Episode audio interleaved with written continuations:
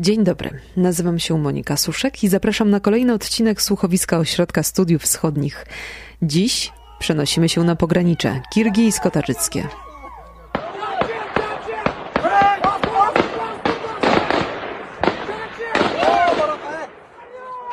Kilka spalonych wsi, ponad 50 zabitych, prawie 300 rannych i ponad 60 tysięcy uchodźców po obu stronach granicy. To bilans trzydniowej wojny, do której doszło pod koniec kwietnia między Kirgizją i Tadżykistanem. Starcia wywołane sporem o wodę mają wiele uwarunkowań. Od wewnętrznych kłopotów obu krajów po niestabilne pogranicze kirgijsko-tadżyckie, a napięcia na granicy, której prawie 40% nie zostało wytyczone w ciągu 30 lat od uzyskania niepodległości przez oba kraje, niestety nie należą do rzadkości. Co dokładnie wydarzyło się na granicy? Jak odbiły się te starcia w polityce regionalnej i jak wydarzenia wpisują się w szerszy kontekst od dawna nieustabilizowanej sytuacji pogranicza i coraz bardziej ograniczonego dostępu do zasobów wodnych? Te i inne kwestie omówi Mariusz Marszewski, analityk Ośrodka Studiów Wschodnich Zespołu Turcji, Kaukazu i Azji Centralnej.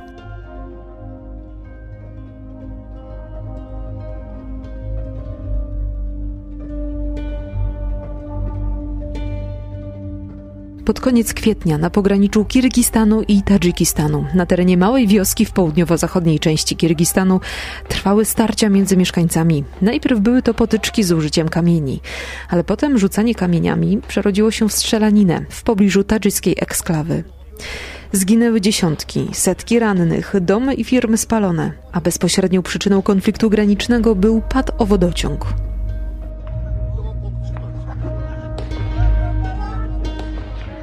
Konflikt dotyczył wody. Bezpośrednią przyczyną konfliktu była woda, która jest w tym momencie jednym z najważniejszych zasobów w Azji Centralnej, absolutnie deficytowym. Mariusz Marszewski.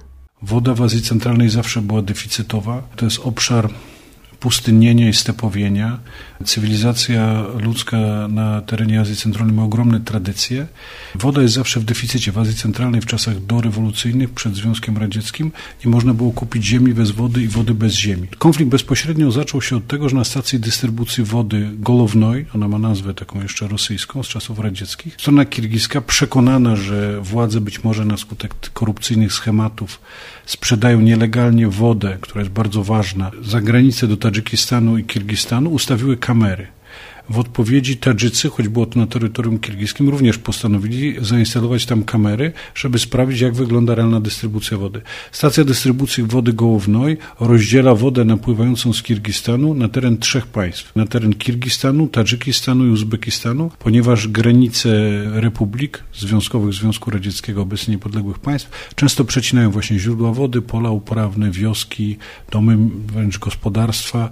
Granice miały charakter administracyjny, a po uzyskaniu niepodległości przez te państwa stały się granicami o charakterze międzypaństwowym. Trochę tak jak w Polsce mielibyśmy granice międzywojewódzkie. Mogą Państwo zobaczyć na przykład, że są Państwo na wczasach i część ośrodków czasowego jest w jednym województwie, a część jest w drugim województwie, albo jakaś wioska jest podzielona pomiędzy dwa województwa. I w momencie, kiedy te województwa stałyby się niepodległymi państwami, to granica przecięłaby na pół jakieś terytoria nie związane ze sobą. I podobnie było tak na, na, na tym obszarze. I Tadżycy, kiedy próbowali ustawić, zainstalować swoje kamery, zostali zaatakowani przez stronę kirgiską i nie udało się to. I od tego momentu następowała eskalacja, która miała miejsce już wcześniej i dotyczyła przede wszystkim obszaru eksklawy tadżyckiej położonej wewnątrz terytorium Kirgistanu, która się nazywa Woruch. Jest to dolina w górach, bardzo żyzna, gęsto zaludniona. Tam mieszka według oficjalnych danych co najmniej 30 tysięcy ludzi. Na obrzeżach tadżyckiego Woruchu znajdują się wioski kirgiskie, które konkurują z nimi o wodę i ziemię. Droga do Woruchu przebiega przez terytorium Kirgistanu i na terenie pomiędzy Woruchem a tymi otaczającymi pierścieniami wioskami kirgiskimi nieustannie są konflikty właśnie o wodę, o ziemię.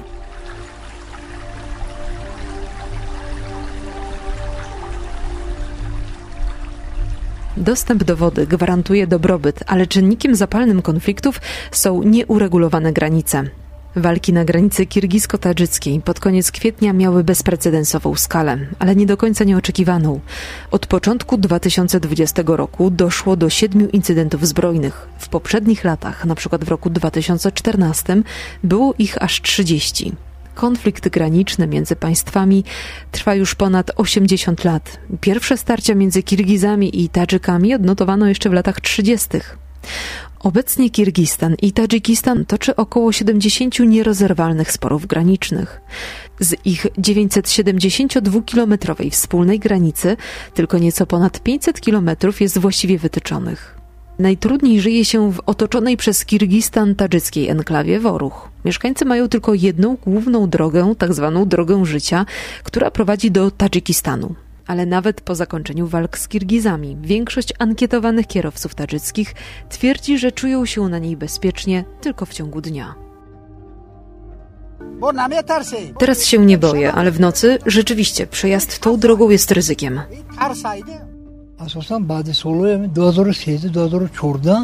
Bardzo ostrożnie korzystamy z tej drogi od 2014 roku. Wiele samochodów zostało uszkodzonych, choć tak naprawdę nieporozumienia trwają od odzyskania niezależności, czyli od roku 1990. Jeżeli ktoś zasiedzi się w tadżyckim mieście Isfara i chce wrócić do Woruchu w nocy, a musi przecież przejechać przez teren Kirgistanu, to może spotkać po drodze młodych mężczyzn rzucających kamienie w ich samochody. Większość starć między mieszkańcami przygranicznych terenów rzeczywiście do niedawna ograniczała się do rzucania kamieniami, ale wiosenna eskalacja nie przypominała lokalnego sporu, który najwyraźniej wymknął się spod kontroli. Stopniowo po obu stronach włączyły się nawet nie tyle armia, co wojska ochrony pogranicza, które w obu krajach są częścią Państwowego Komitetu Bezpieczeństwa Narodowego, który jest bezpośrednim spadkobiercą republikańskich oddziałów radzieckiej policji politycznej KGB i ten GKNB, tam jest skrót w obu tych republikach, ma swoje własne oddziały pograniczne, które strzegą granic. Doszło do strzelania pomiędzy oddziałami GKNB. Strona tadżycka eskalowała konflikt, ściągnęła na teren granicy oddziały Gwardii Narodowej i oddziały takiego odpowiednika zmilitaryzowanej milicji jak w, w Polsce ludowej istniało ZOMO, czyli zmechanizowane odwody milicji obywatelskiej, takim odpowiednikiem jest w krajach postradzieckich OMON, dużo bardziej rozbudowany, mający dużo bardziej skomplikowane zadania, ale jakimś odpowiednikiem tego ZOMO z czasów komunistycznych, więc oddziały OMON-u, Gwardii Narodowej i wyposażone między innymi użyto moździerzy, użyto helikopterów, które wystrzeliły rakiety, które na szczęście były stare i chociaż tam zadały jakieś straty, ale w miarę możliwości nie eksplodowały i użyto też, strona tadżycka użyła do, do, do walki o te obszary pograniczne milicji nieregularnej złożonej z, w naprędce zmobilizowanych wcześniej przeszkolonych mieszkańców, którym rozdano broń. Także były takie zupełnie nietypowe dla ostatnich lat, dla tego obszaru jednak pokojowej w sumie Azji Centralnej zdjęcia przedstawiające cywilów z bronią palną, rabujących opuszczone domy i płonące domy Cywile byli e, stroną, byli Tadżykami, a domy i wioski płonące po drugiej stronie należały do, do Kirgistanu. Obie strony próbowały zajmować swoje instalacje graniczne. No, widać wyraźnie, że zginęło kilkudziesięciu obywateli Kirgistanu i kilkunastu obywateli Tadżykistanu. Po obu stronach były dziesiątki rannych. Po stronie kirgiskiej ewakuowano setki ludzi i straty były dużo większe.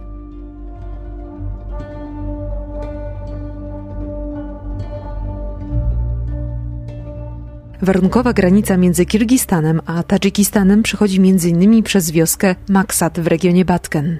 Oba kraje dzieli autostrada. Pod koniec kwietnia spłonęło tam prawie 80 domów należących do Kirgizów. Zniszczona została szkoła, szpital, posterunek policji oraz przejście graniczne. To właśnie w tej wiosce mieszka Madina. Po raz kolejny starcia graniczne nie ominęły jej rodziny i dobytku.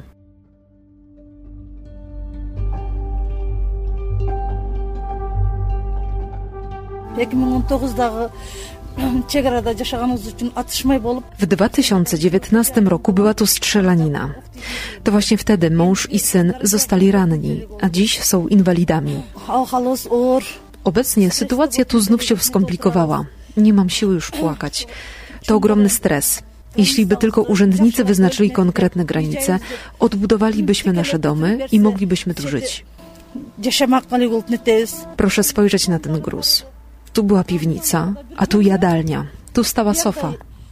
A tam był jeszcze jeden pokój. W rogu stały dwie duże skrzynie. Mam jeszcze dorosłą córkę. Składałam rzeczy na jej posag, żeby było jej trochę lżej, kiedy będzie wychodziła za mąż. Z domu nic nie ocalało. Wszystko całkowicie zniszczone.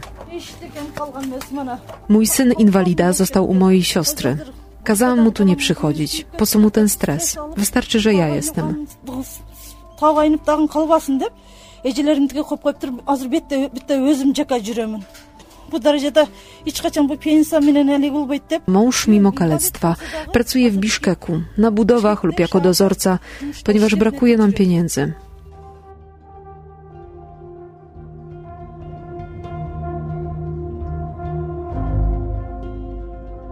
Każdy konflikt, czy to wewnętrzny polityczny, czy przekraczający granice, ma określone konsekwencje dla obu stron. Podczas konfliktu na granicy Kirgistanu i Tadżykistanu od 28 kwietnia do 1 maja, według opublikowanych danych, zginęło 36 osób ze strony kirgijskiej, 186 zostało rannych, a około 58 tysięcy osób zostało zmuszonych do opuszczenia swoich domów. Po stronie tadżyckiej ofiar było mniej. Ponadto ciężkie uzbrojenie Tadżyków bardzo szybko pojawiło się przy granicy, a artyleria zaczęła ostrzeliwać posterunki graniczne Kirgizów. Było to związane z tym, że strona tadżycka była dużo bardziej przygotowana do tego konfliktu.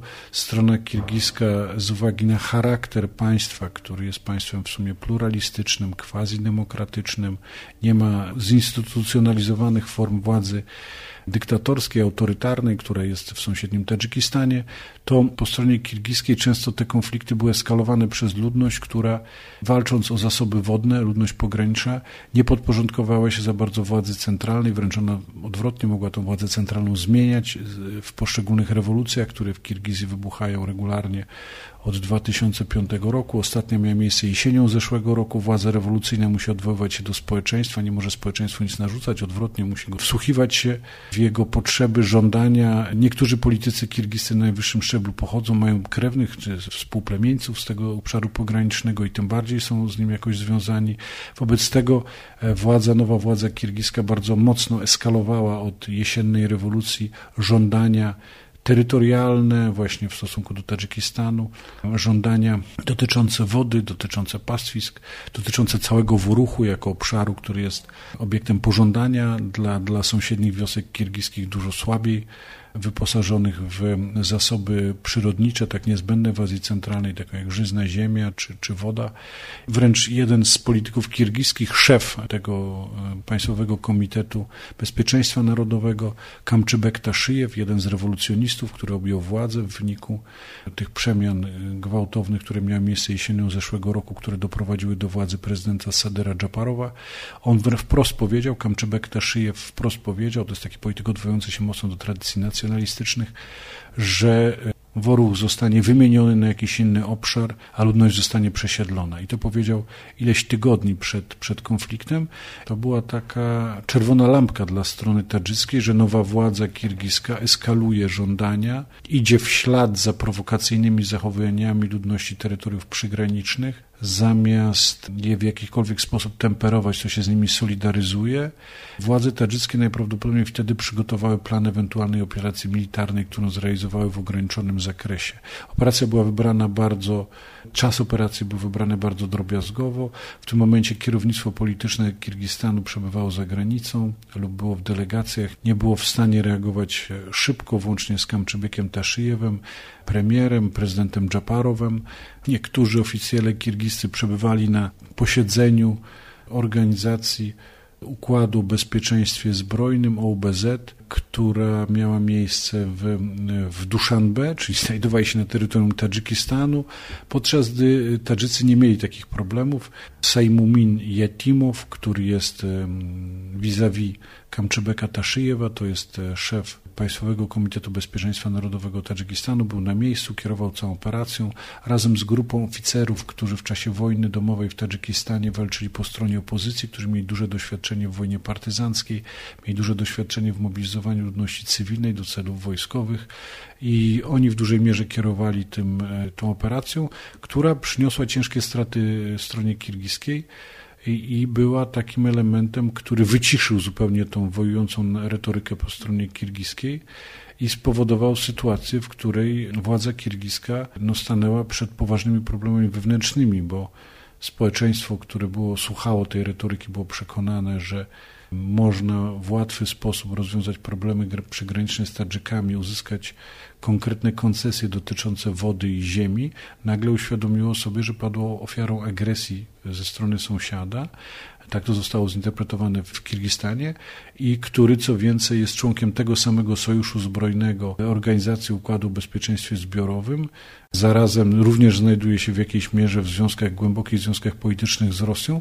Rosja nie reaguje w żaden sposób, pomijając kurtuazyjne wyrazy ubolewania kierowane do obu stron wezwania do pokoju i pokojowego rozwiązywania sporów.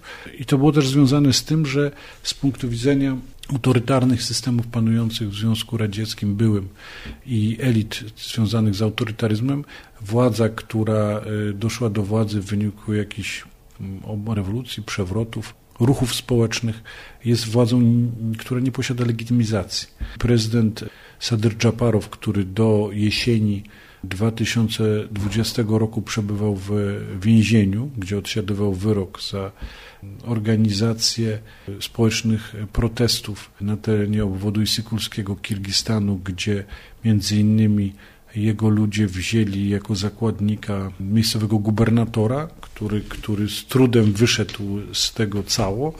Sadyr Dżaparow nie jest traktowany jako równorzędny partner przez elity moskiewskie. To nie jest dla władz rosyjskich czy tadżyckich taki prezydent jak każdy inny.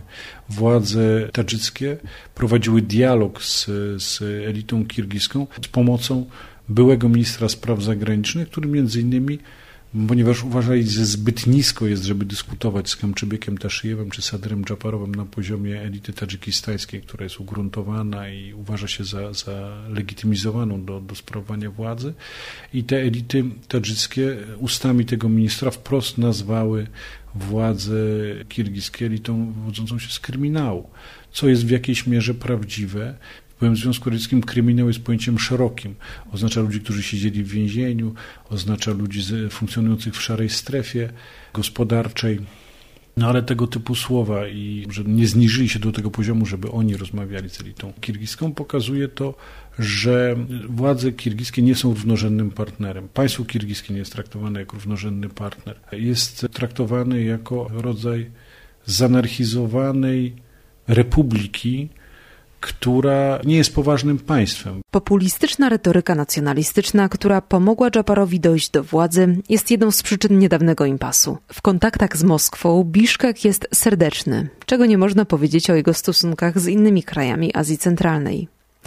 Kirgistan i Tadżykistan szybko podjęły się negocjacji, ale powstrzymanie żołnierzy i cywilów po obu stronach nie było takie proste. Miejscowi spalili domy i wioski przeciwnych stron i najwyraźniej byli szczęśliwi, mogąc przesłać dowody do mediów społecznościowych.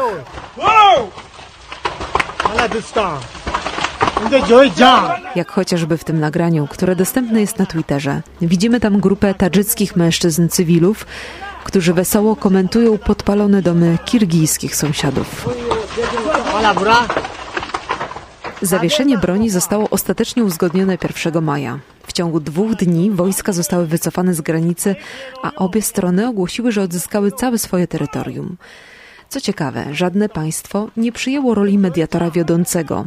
Kazachstan zaoferował ograniczoną pomoc, a Chiny, największy partner gospodarczy obu państw, milczały. Z kolei Moskwa wydała komunikat, że dokładnie bada sytuację. Rosja w żaden sposób nie będzie popierać Kirgistanu w konflikcie z Tadżykistanem. Rosja demonstracyjnie wzywając do pokoju i porozumienia w sytuacji tej nierównego konfliktu, Rosja dostarczyła jednocześnie broń Tadżykistanowi. Dostarcza ją niemal corocznie od wielu lat, często przestarzałe, jest to forma też czyszczenia magazynów, ale jednak to jest broń. Główną ideą przyświecającą tym dostawom jest wsparcie Tadżykistanu w konflikcie z e, terroryzmem, w konflikcie z terroryzmem przychodzącym z Afganistanu, z ruchem talibów, z państwem islamskim, które działa, tak zwane państwo islamskie w Chorasanie, czyli odłam państwa islamskiego znanego z pogranicza Syrii i Iraku, który działa na terenie Azji Centralnej, przede wszystkim Afganistanu. No i przeciwko tym organizacjom Rosja dostarcza broń, ale w sytuacji konfliktu z Kirgistanem i po konflikcie no to było głęboko nieoczywiste, że to jest broń dostarczana dla strony walczącej z terroryzmem, a może dla strony walczącej z sąsiednim państwem. Podjęto próby mediacyjne. Doprowadziło to do sytuacji, w której obywatelom tadżykistańskim zabroniono faktycznie przebywać na terenie Kirgistanu, pomijając osoby zatrudnione przez organizacje międzynarodowe czy pracowników dyplomatycznych Tadżykistanu. Pozostałe osoby miały faktycznie, jak się okazało, opuścić kraj przez konkretnie wyznaczone na granicy z Tadżykistanem przejścia graniczne. Okazało się, że część osób nie posiada dokumentów, zaczęły się różnego rodzaju szykany. Było dość sporo gastarbajterów tadżyckich, którzy zaczęli podlegać rozmaitym formom jakichś takich nacisków i złego traktowania przez organy ścigania kirgiskie. Musieli w krótkim okresie czasu opuścić kraj. To się w różnym stopniu udawało. Była sytuacja skandaliczna z samolotem Samolot y, z Tadżykistanu przyleciał z ludźmi, którzy lecieli tranzytem, mieli lecieć dalej. Te osoby, które chciały wsiąść na pokład tego samolotu, który przyleciał rejsowo zgodnie z harmonogramem, nie zostały nawet wpuszczone.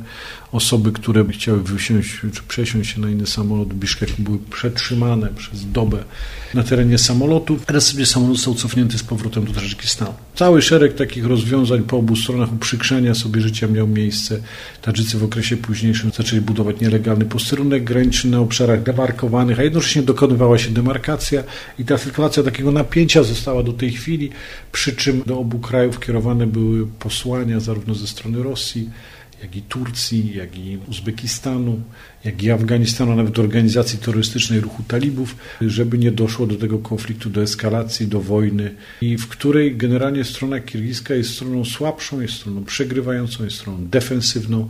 Do tej chwili nie dokonało się do końca odbudowa obszarów przygranicznych, różne agendy zajmujące się uchodźcami, pomocą biednym Organizacji Narodów Zjednoczonych czy innych agent y, międzynarodowych organizacji pomocowych zadeklarowały pomoc finansową, która rzeczywiście mniej lub bardziej bardziej zaczęła zmieniać pomoc realną, a nadal te obszary nie zostały do końca odbudowane. Dużą rolę odegrała pomoc charytatywna na terenie Kirgistanu, to jeszcze było zintensyfikowane tym, że konflikt miał miejsce w okresie ramadanu, gdzie jakby działalność charytatywna, dawanie jałmużny, pomoc biednym jest elementem obligatoryjnym dla każdego muzułmanina i rzeczywiście diaspora kirgiska na przykład na terenie Ameryki Północnej czy Unii Europejskiej zebrała dosyć spore środki dla pomocy dla swoim rodakom na terenie tego obwodu batkeńskiego na południowym południowym Kirgistanie, na którym toczyły się najcięższe walki, skąd ludzi najwięcej uciekło. Realnie państwo mało pomogło, chociaż Sadr Dżaparow odwiedzał te obszary, podobnie jak Kamczybek Taszyjew i zadeklarowano to, pojawiły się takie ogromne elementy uczuć patriotycznych, solidarności narodowej, podobne do tego, jak to miało miejsce na Ukrainie w przypadku relacji Ukraińców z emocjonalnej z mieszkańcami z terytorium Krymu i Donbasu. Natomiast w Tadżykistanie w dużej mierze wygrany konflikt z Kirgizami doprowadził do jakiegoś triumfalizmu po stronie e, tadżyckiej. Zabrakło elementu chęci pojednania, było poczucie, że to była obrona przed agresją kirgiską, tym bardziej, że w początkowym okresie konfliktu postrzelony został przez jednego z kirgiskich snajperów mer miasta Isfara jednego z większych miast przygranicznych, który udał się na, na te obszary sporne, żeby godzić ze sobą zwaźnione strony i trafił go w ramię jakiś kirgiski strzelec. To przez Tadżyków zostało uznane za kasus belli, to są społeczeństwa hierarchiczne, gdzie po prostu tak nie można podnieść ręki na władzę i postrzelnie tak wysokiej rangi urzędnika jak mer miasta, to był element, który doprowadził e, do wrzenia stronę tadżycką i ułatwił podjęcie decyzji o eskalowaniu konfliktu. Cały rezultat tego konfliktu zaowocował wzrostem poparcia dla prezydenta Emomali Rahmona, dla którego to było ważne, ponieważ o ile nacjonalistyczna retoryka jego partnerów po stronie kirgiskiej była związana z chęcią legitymizacji władzy, utrzymania się władzy, pokazania się jako patrioci, nacjonaliści, obrońcy ojczyzny, etc., etc., to po stronie tadżyckiej tu głównym celem jest zapewnienie władzy synowi prezydenta Emomali Rahmona, Rustamowi Emomali, młodemu przywódcy politycznemu namaszczonemu na najwyższe stanowiska w państwie przez ojca, który jest obecnie merem e, stolicy, merem Duszanbe. Prezydent Rahman ma ośmioro dzieci i pozostałe też mają ambicje prezydenckie. Dla niego ważne jest, żeby póki cieszy się zdrowiem i, i, życiem i ma władzę polityczną, żeby zapewnić płynną sukcesję swojemu synowi, który jest tym delfinem, który ma pełnić władzę. I ta wygrana wojna tak to jest interpretowane, czyli te starcia graniczne, jest elementem, który podniósł ranking prezydenta, podniósł jego notowania, dał szansę też na sprawne przeprowadzenie tranzytu władzy i przekazanie swojemu synowi. To są elementy ukryte za tymi starciami, natomiast tak czy inaczej nastroje społeczne, dążenie do konfrontacji po obu stronach jest spowodowane tym, że w obu krajach pandemia COVID-19 miała bardzo gwałtowny przebieg. Te kraje dopiero się szczepią teraz i to szczepionkami chińskimi, które nie gwarantują rozprzestrzeniania się choroby, one tylko powodują, że ludzie chorują, nie umierają, ale się zarażają. Przykładem jest sytuacja, która ma miejsce na Seszelach, gdzie ogromny procent społeczeństwa, dużo większy niż w jakimkolwiek kraju Azji Centralnej, został masowo zaszczepiony szczepionkami chińskimi, a epidemia i tak ma się niestety dobrze, ponieważ ludzie chorują i się zarażają mimo szczepienia. Tylko choroba ma lżejszy przebieg. Natomiast zarówno w Kirgistanie, jak i w Tadżykistanie populacja nie została zaszczepiona, teraz jest zaszczepiana. Mimo prób e, lockdownu w obu krajach, Przede wszystkim w Kirgistanie te lockdowny miały dużo bardziej intensywny charakter. W Tadżykistanie to było słabiej egzekwowane i bardziej kierowano się interesem gospodarki niż interesem zdrowia społeczeństwa. Natomiast w obu krajach oprócz tego, że te lockdowny i epidemia COVID przyniosła wymierne straty gospodarcze i straty ludzkie, to dodatkowym problemem stało się rosnące bezrobocie związane z tym, że migranci zarobkowi zostali zmuszeni do powrotów z Rosji na skutek zamknięcia w Rosji rynku pracy i w obu krajach jest do tej chwili ogromna liczba bezrobotnych młodych mężczyzn i mających się jakichś takich dorywczych prac, jak na przykład jeżdżenie na taksówce, praca na budowie, gdzie jest się mobilizowanym na jakiejś giełdzie pracy raz dziennie, bez jakiegokolwiek stałego dochodu. I ta liczba rośnie z uwagi na to, że ludzie tracą pracę i muszą wyjeżdżać. Spora część tych młodych mężczyzn, zwłaszcza w Tadżykistanie, to są ludzie, którzy stracili pracę na przykład na polskim rynku pracy czy unijnym rynku pracy w wyniku COVID-a. Natomiast Kirgizom było łatwiej, oni mają inny system, jeżeli chodzi o ubieganie się o obywatelstwo czy o prawo do wykonywania zawodu, tak zwany patent migranta, to wszystko mają ułatwione w Rosji dużo bardziej niż obywatele pozostałych państw Azji Centralnej i dlatego w mniejszym stopniu byli obecni na naszym ojczystym rynku pracy, bo byli bardziej obecni na rynku rosyjskim. Natomiast wszystkie te grupy, one były zmuszone do powrotu do Azji Centralnej, nie mogą wyjechać do pracy za granicę, co powoduje ich skłonność do rewolucji, determinację, poczucie przegranej, dążenie do gwałtownej zmiany swojego losu na lepsze. I oni byli zarówno motorem kirgiskiej rewolucji, jak i byli uczestnikami starć po obu stronach na obszarze przygranicznym.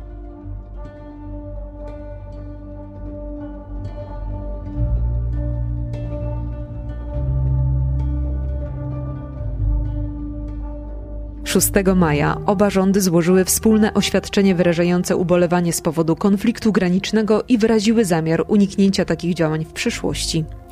Wydaje się, że tym razem będzie to trwałe zawieszenie broni bo każdy konflikt zbrojny między Kirgistanem i Tadżykistanem jest zagrożeniem dla pokojowego życia w całym regionie. Ale trudności wspólnego życia państw regionu wynikają również ze zmian klimatycznych, a co za tym idzie, niemożliwości przezwyciężenia sporów w zakresie wymiany surowców energetycznych, skupiając się wyłącznie na interesach narodowych. Według prognoz w ciągu 15-20 lat zasoby wodne regionu spadną przynajmniej o 1 trzecią, a zdaniem ONZ do 2040 roku roczny przepływ rzek w Kirgistanie wyniesie 19 km sześciennych, podczas gdy w 2006 roku liczba ta wynosiła 55.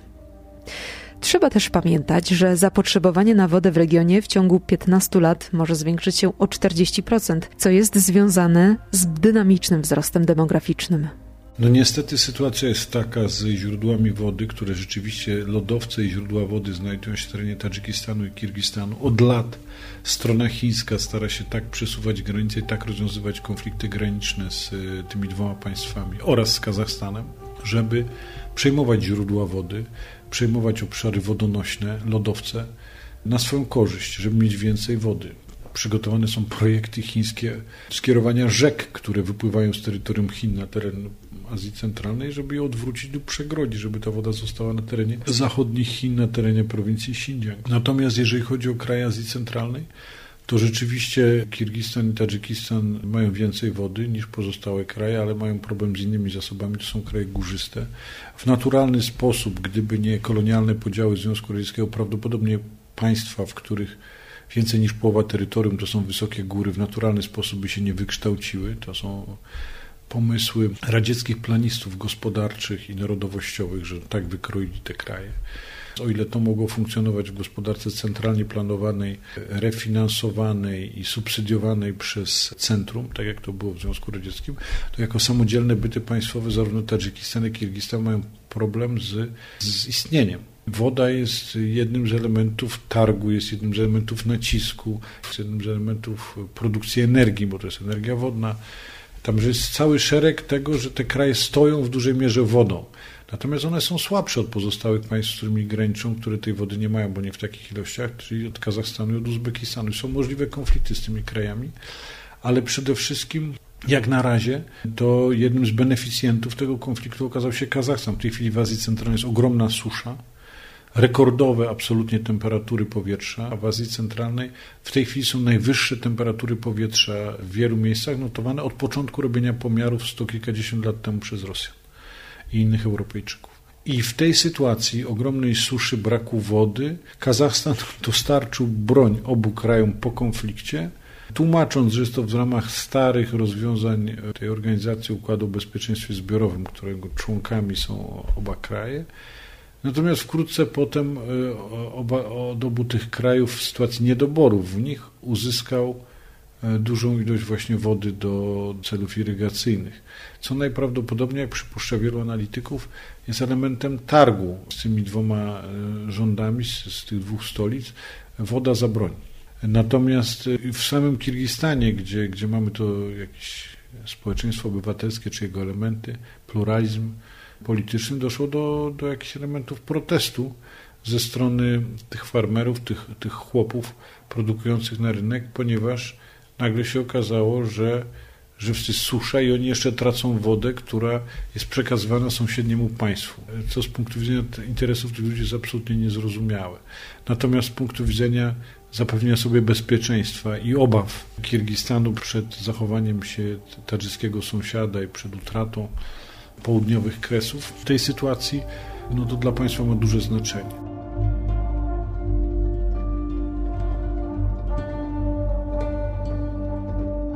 Należy również pamiętać o istotnej roli Kotliny Fergańskiej, niesamowicie żyznej i malowniczej doliny, której największa część znajduje się w granicach Uzbekistanu, a mniejsze w Kirgistanie i Tadżykistanie.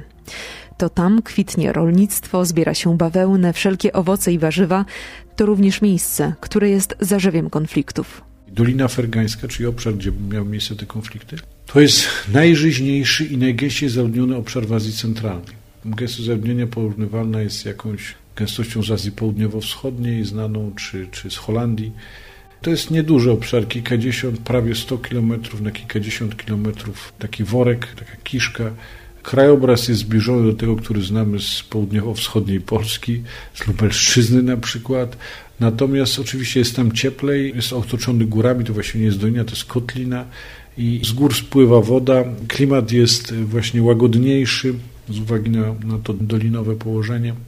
Ziemia jest bardzo żyzna i tam największa gęstość zaludnienia w porównaniu ze wszystkimi innymi regionami Azji Centralnej, tam jest największa. Przez całe stulecia to był jeden organizm państwowy, bardzo dynamiczny, pod różnymi nazwami funkcjonujący z własną starą kulturą, z własnymi strukturami kultury, który ostatnim etapem historii tego regionu był istniejący w XIX wieku Hanat Kokandu, który powstał w XVIII wieku, który był jedną z najbardziej dynamicznych i efektywnych struktur państwowych na terenie Azji Centralnej. On najdłużej stawiał opór Rosji carskiej w momencie podboju tego obszaru przez Rosję carską i za karę został rozdzielony, został wcielony i rozdzielony na, na jednostki administracyjne, na kilka obwodów. Tam od podstaw budowano nowe miasta, z których zarządzano tego, tym obszarem. No właśnie w ten sposób powstało miasto nazwane pierwotnie Nowy Margielan, później Skobielew, na cześć konkwistadora, takiego zdobywcy rosyjskiego Skobielewa, a w końcu otrzymał niewiele już mówiącą o jego przeszłości nazwę Fergana. To było kompletnie nowe miasto, które było ośrodkiem władzy kolonialnej rosyjskiej na tym obszarze, z którego zarządzano tym obszarem. Obszar podzielono tak jak na przykład obszary znajdujące się pod zaborem rosyjskim, polskie. Między innymi właśnie tę najniższą, najniższą jednostką podziału terytorialnego była Włość, Wolość. I te wszystkie największe konflikty, o których mówiliśmy, nie pierwsze już starcia zbrojne na tym obszarze w okolicach Woruchu, jako pierwsze na taką skalę, no to kiedyś ten cały obszar znajdował się w jednej Wolości, w jednej Włości carskiej. Natomiast nikomu się wtedy nie śniło o powstaniu tam państw narodowych ten podział, który znamy obecnie, sprowadził e, na terenie Doliny Fergańskiej Związek Radziecki, między innymi po to, żeby Dolina Fergańska postrzegana jako właśnie ośrodek silnej religijności muzułmańskiej, sprzeciwu wobec władzy pochodzącej z Europy, żeby była podzielona pomiędzy kilka ośrodków państwowych. I tak się stało.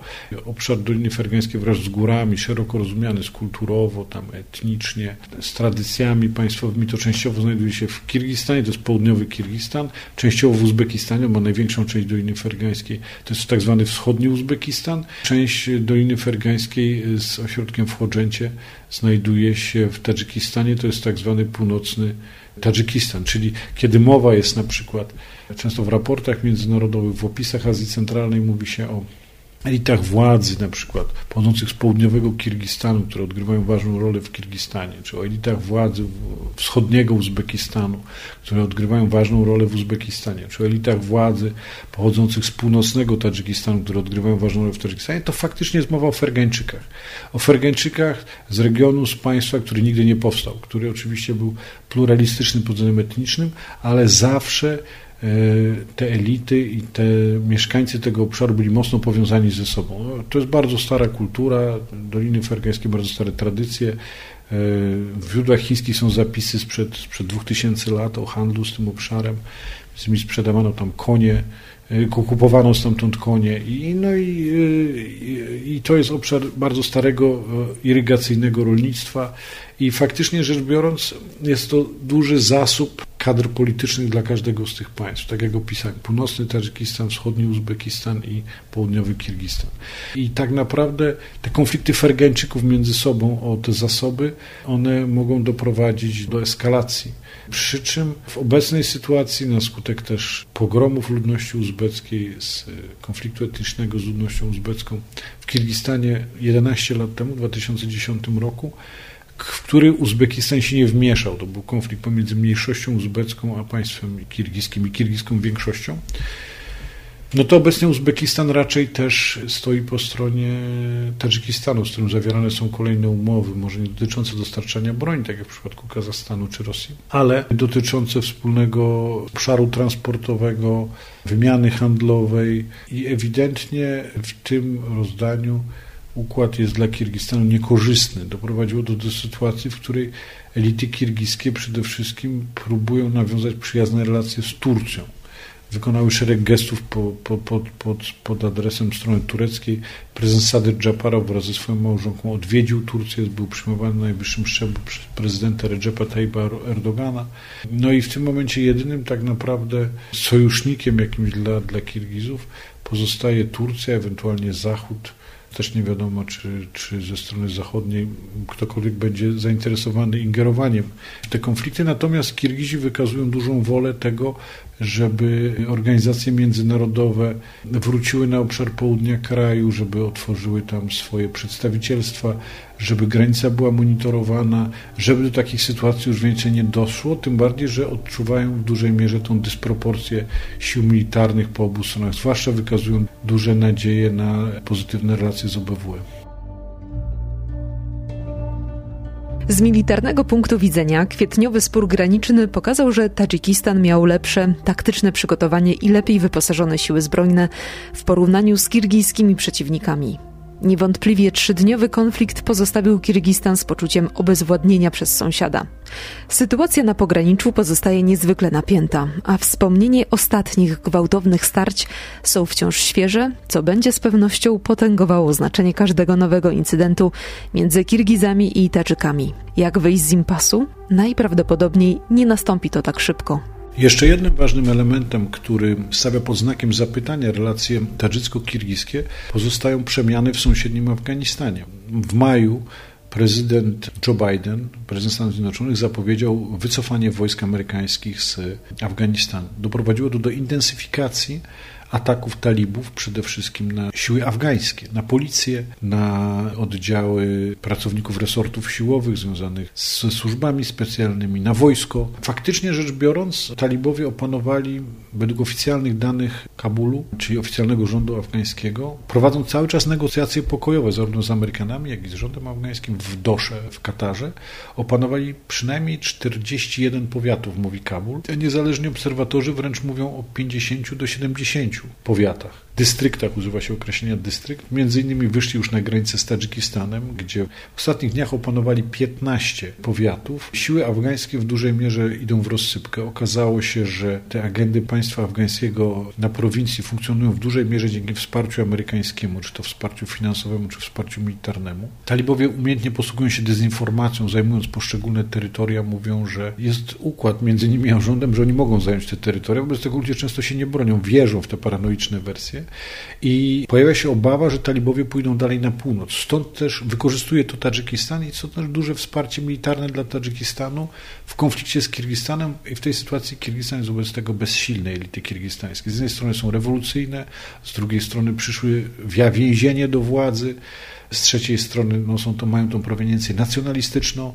z czwartej strony no, nie graniczą z Afganistanem, czy nie są rozpatrywane jako poważny partner w przeciwieństwie do reżimu prezydenta Emomalego Rahmona, który jest wspierany militarnie i jest uważany za państwo frontowe, które za chwilę będzie się konfrontować być może z talibami, którzy właśnie zajmują obszary przygraniczne z Tadżykistanem. I to jest kolejny element, w którym nie wiadomo, co się będzie dziać na obszarze kirgisko-tadżyckiego pogranicza. Pierwszy raz w ogóle przy okazji tego konfliktu talibowie zajęli jakieś stanowisko jako organizacja terrorystyczna, jako nieuznawana w stosunkach międzynarodowych, nawet w okresie sprawowania przez nich rządów na terenie 70% Afganistanu, oni byli uznani przez kilka krajów. I to nie takich najważniejszych w stosunkach międzynarodowych. To były takie państwa muzułmańskie, którym imponowało w jakiejś mierze te formy ustrojowe, odwołujące się do jakichś radykalnych form muzułmańskich, islamskich na terenie Islamskiego Emiratu Afganistanu, bo tak talibowie sami siebie nazywali. Natomiast teraz ten Islamski Emirat Afganistanu mówi Kirgizom i Tadżykom, że mają się pogodzić. I to jest bardzo taka specyficzna sytuacja, w której oni wykorzystują ten konflikt, żeby pokazać siebie na arenie międzynarodowej. I organizacja, która prawie codziennie dokonuje zamachów terrorystycznych na terenie Afganistanu, mówi o tym, jak straszną rzeczą jest wojna, jak ważne, jak oni to widzą, jak to wiedzą, jak wzywają bratni naród kirgiski, bratni naród tadżycki, żeby, się, żeby one się pojednały. Także ten sygnał z południa on jest bardzo niepokojącym sygnałem dotyczącym tego, że źródła destabilizacji tego obszaru mogą być dużo głębsze, mogą przyjść z zagranicy. I to jest jeszcze taki niepokojący sygnał na przyszłość, który nasuwa się w tym momencie, jeżeli obserwujemy sytuację w tym regionie.